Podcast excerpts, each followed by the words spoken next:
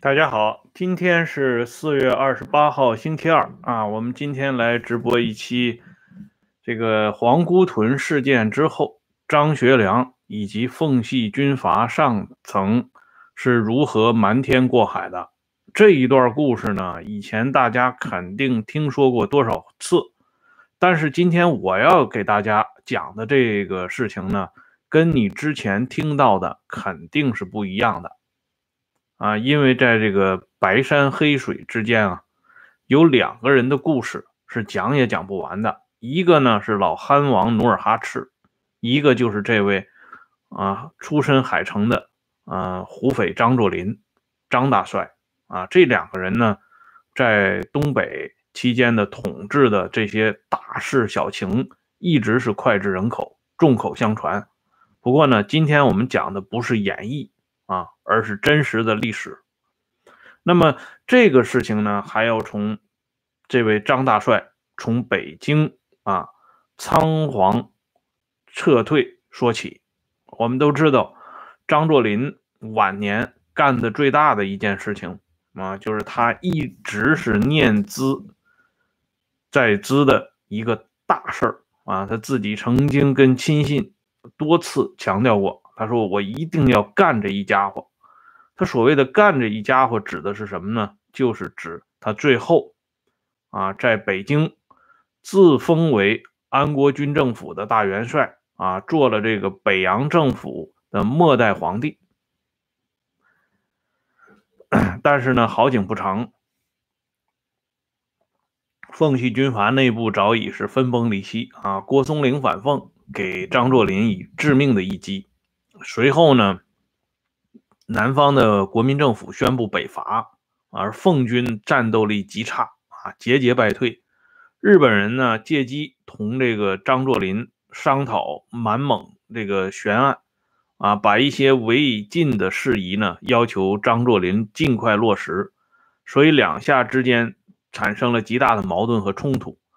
而在张作霖本心看来呢，这个时候他不想把整个的东北啊完全系在日本人的裤腰带上，他还另外找了下家啊，一方面呢同英国人接触，一方面又同美国人勾勾搭搭，这样呢种种矛盾都在逐渐的发酵。就张作霖和张学良父子来讲，他们也不是一点儿这个察觉都没有，他们也感觉到问题的严重性，所以最终呢。决定要撤出北京，回到关外啊，继续过这种啊关起家门称王称霸的好日子。在走的这个过程当中呢，选择路线上，张家父子啊略有分歧啊。张作霖呢还是主张坐这个正常的火车回去，而张学良呢认为可以走这个汽车啊，汽车安全一点啊，所以两个人呢略有分歧，但最终呢还是。张作霖说了算。走的那一天呢，有很多当事人啊做过回忆，其中比较啊接近真相的，就是他身边啊有一个进士啊，正式的官衔叫校尉处处长，他的名字叫温守善啊。温守善晚年的回忆说，当时张作霖啊回奉天坐的是。当年慈禧太后的花车啊，这个车布置的非常好。去车站过程当中呢，张作霖专门挑了一个黄颜色的这种防弹汽车啊。开这个车的人呢叫沙顿，是奉天迫击炮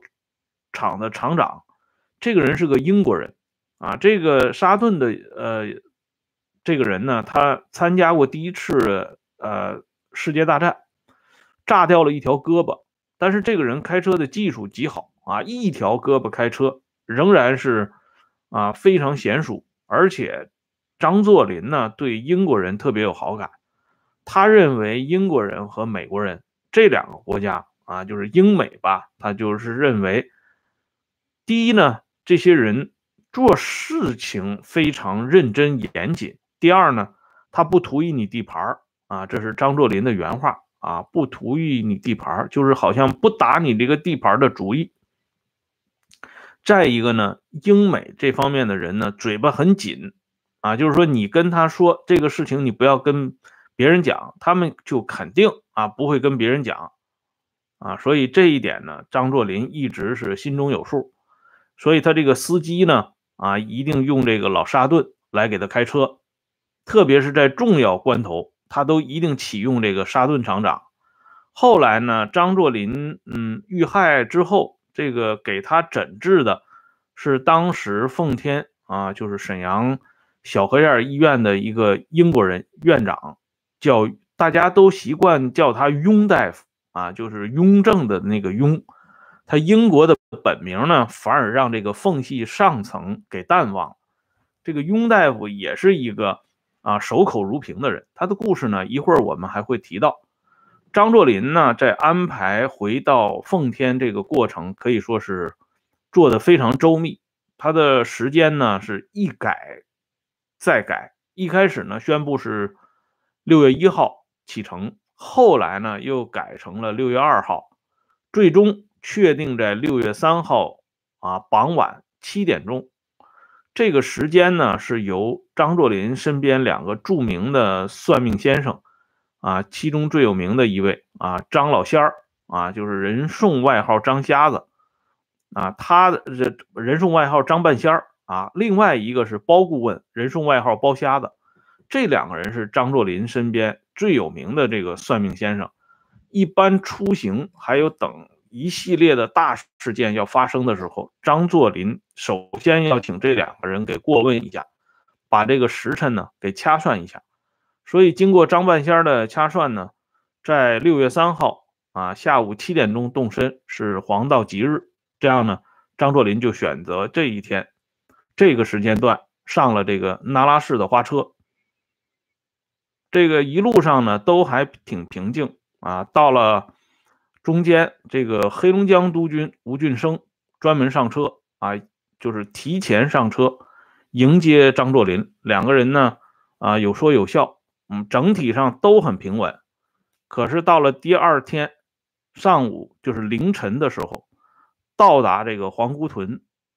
车站的时候发生我们大家都熟知的黄姑屯事件，炸车啊，张作霖呢当场被炸成重伤，而吴俊升呢直接就被炸死。关于这件事情啊，说实话，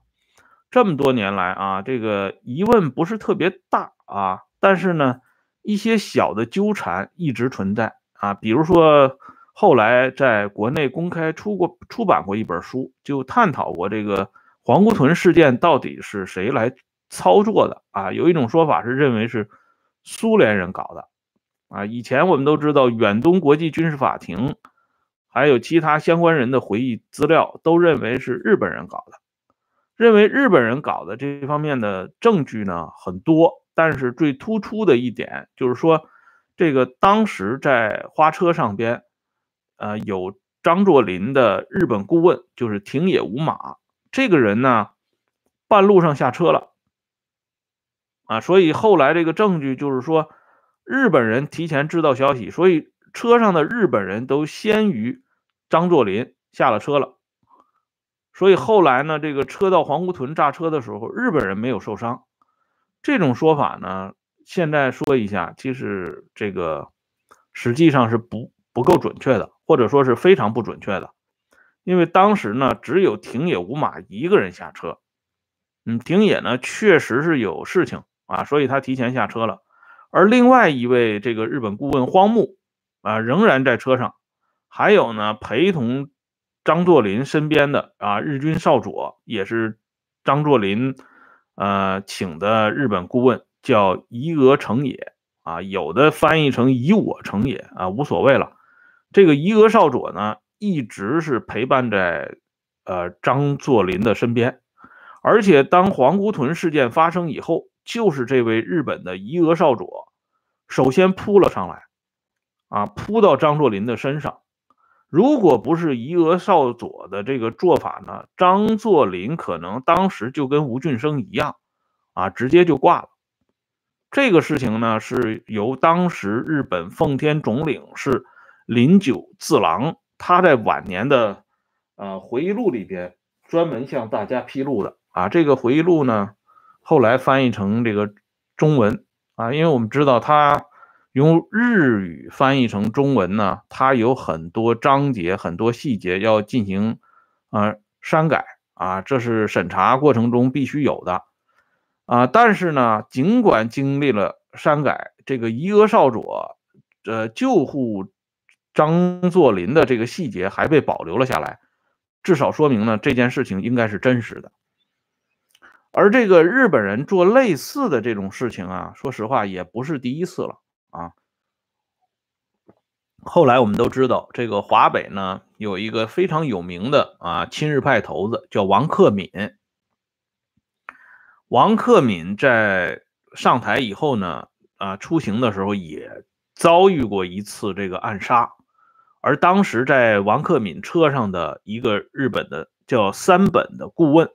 就是不顾一切的啊扑到王克敏的身上，啊宁可自己挨了两枪。也保证王克敏的安全啊，可见呢，在这方面啊，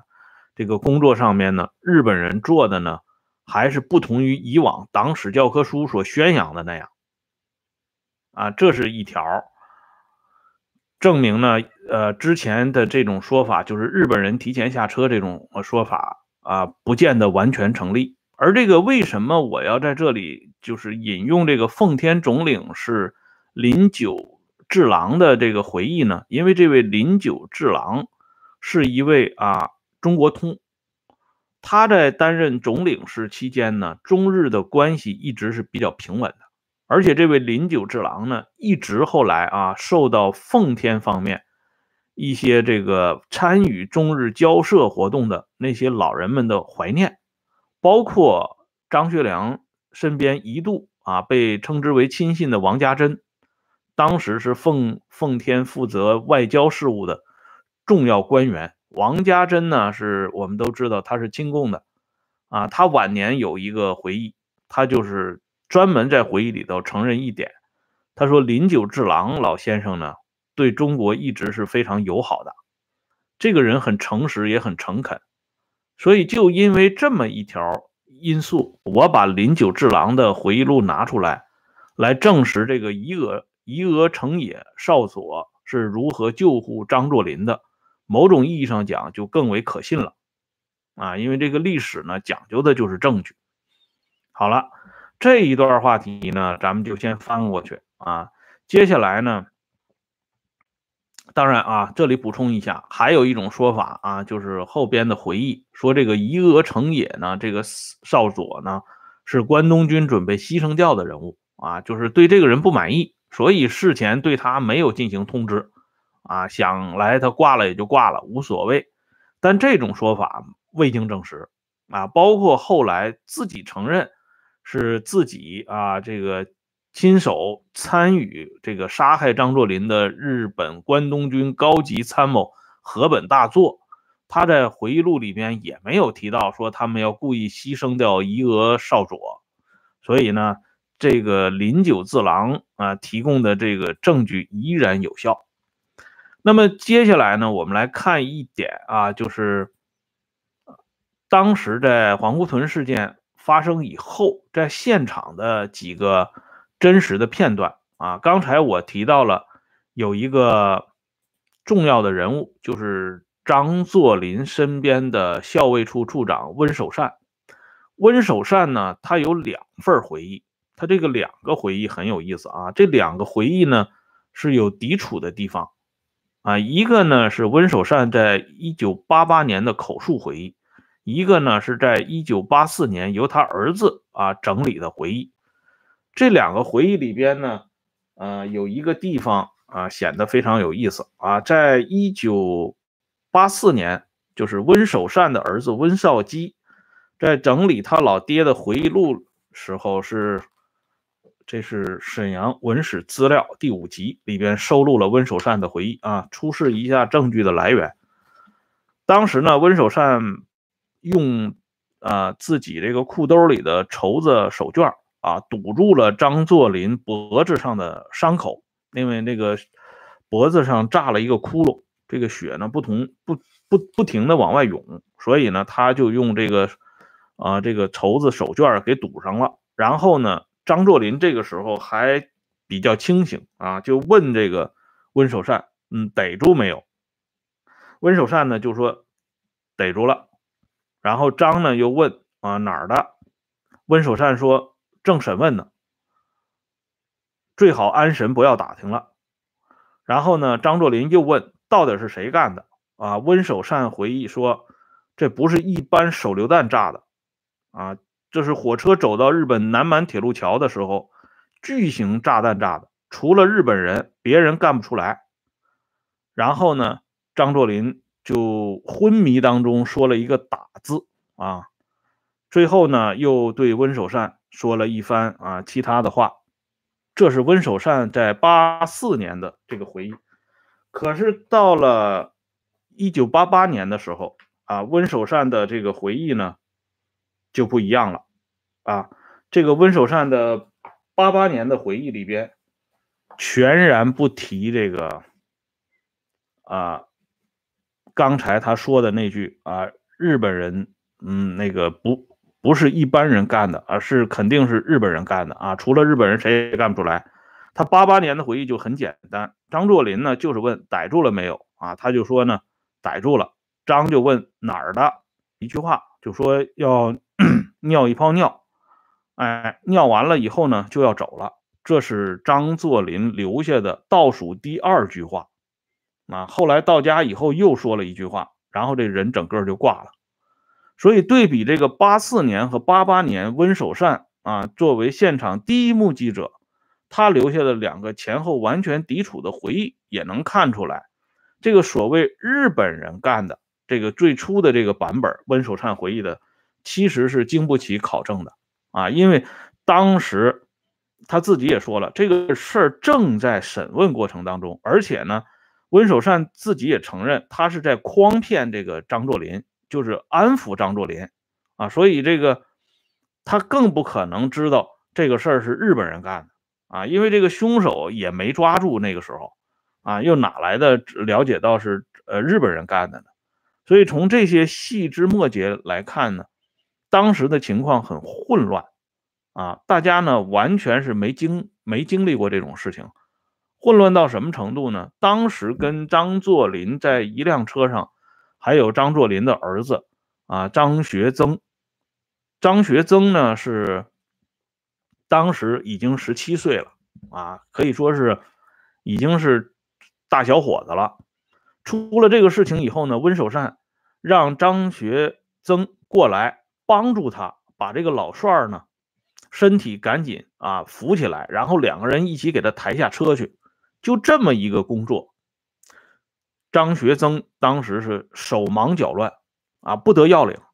主要是这个孩子呢，已经是吓懵了，他根本就是没见过这种事情。这个张学曾啊，在这个张氏家族里是一个比较得宠的人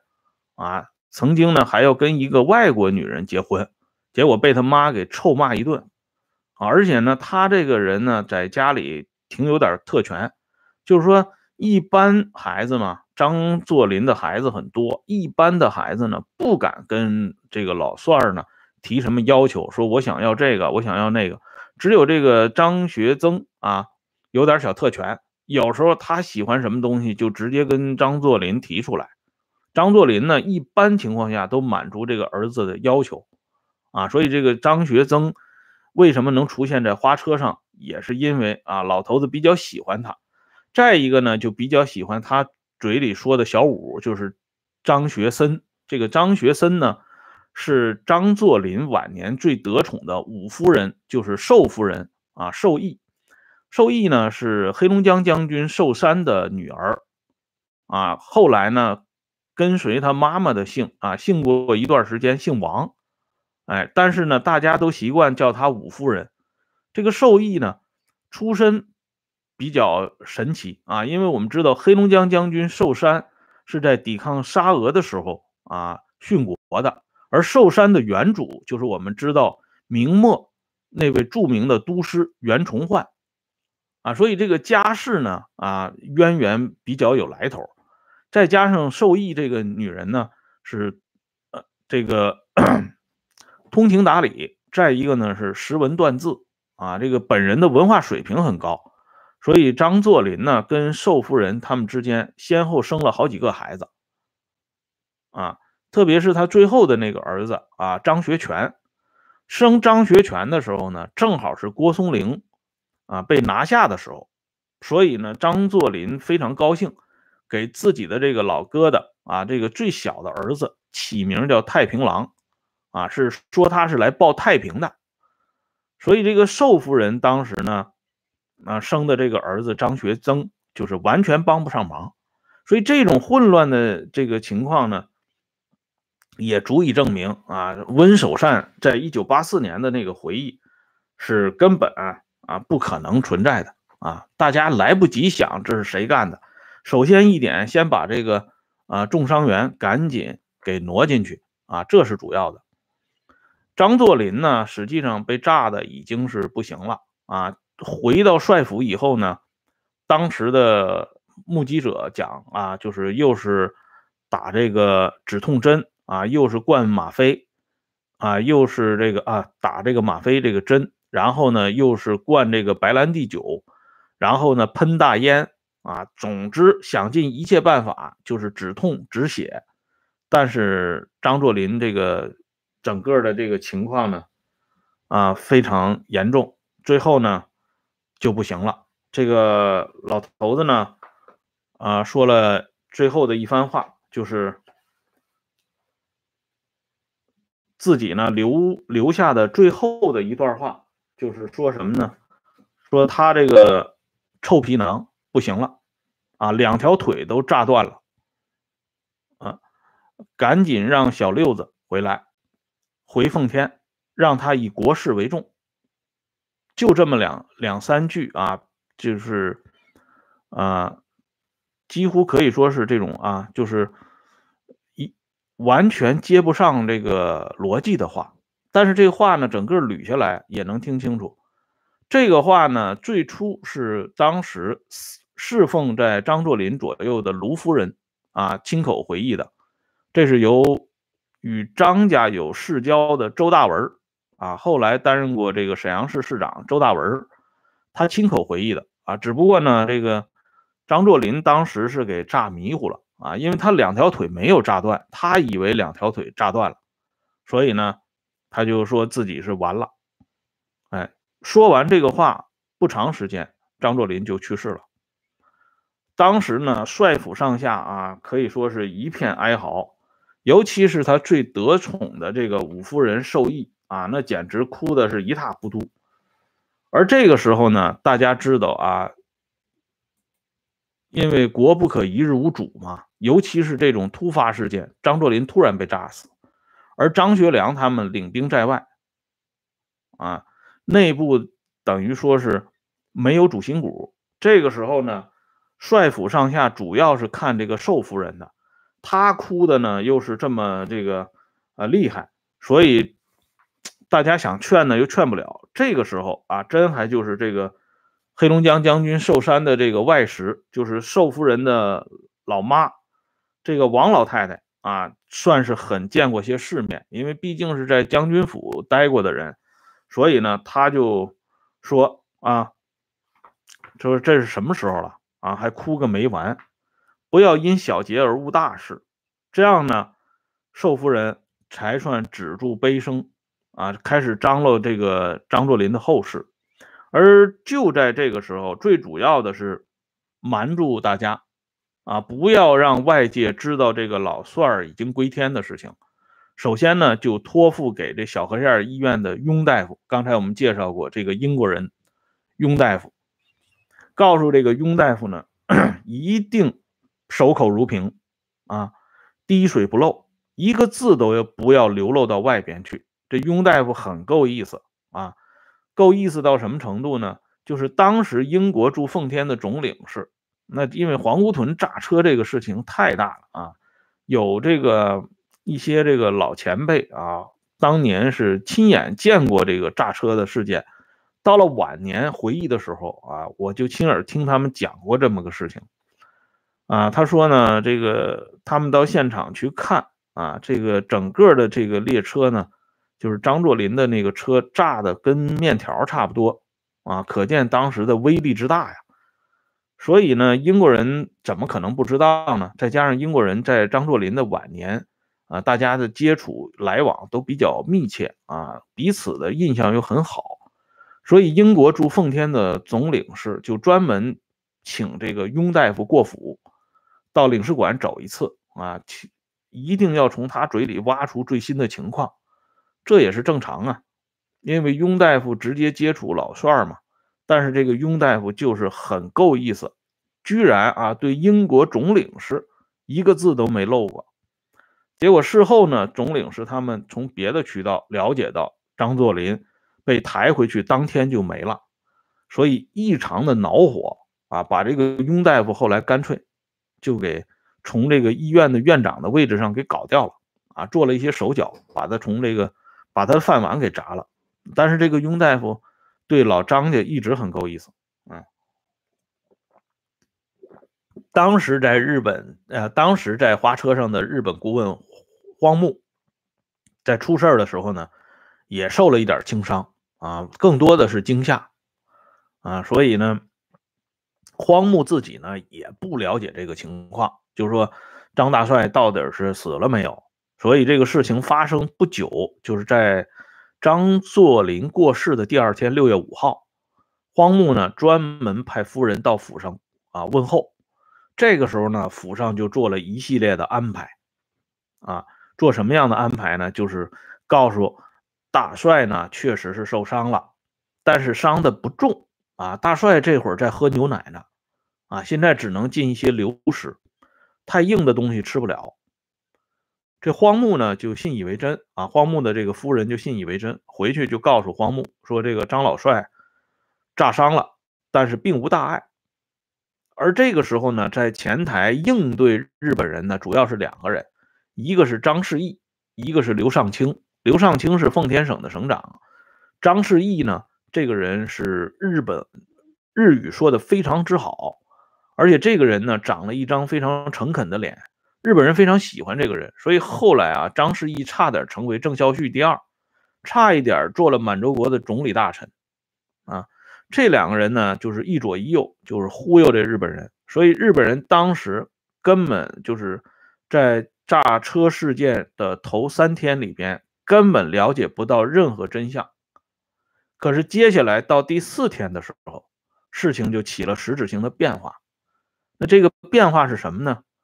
我们下次节目呢，再安排给大家继续讲述一下，包括张学良在得知这个炸车事件之后，他回到奉天是如何进行处理的。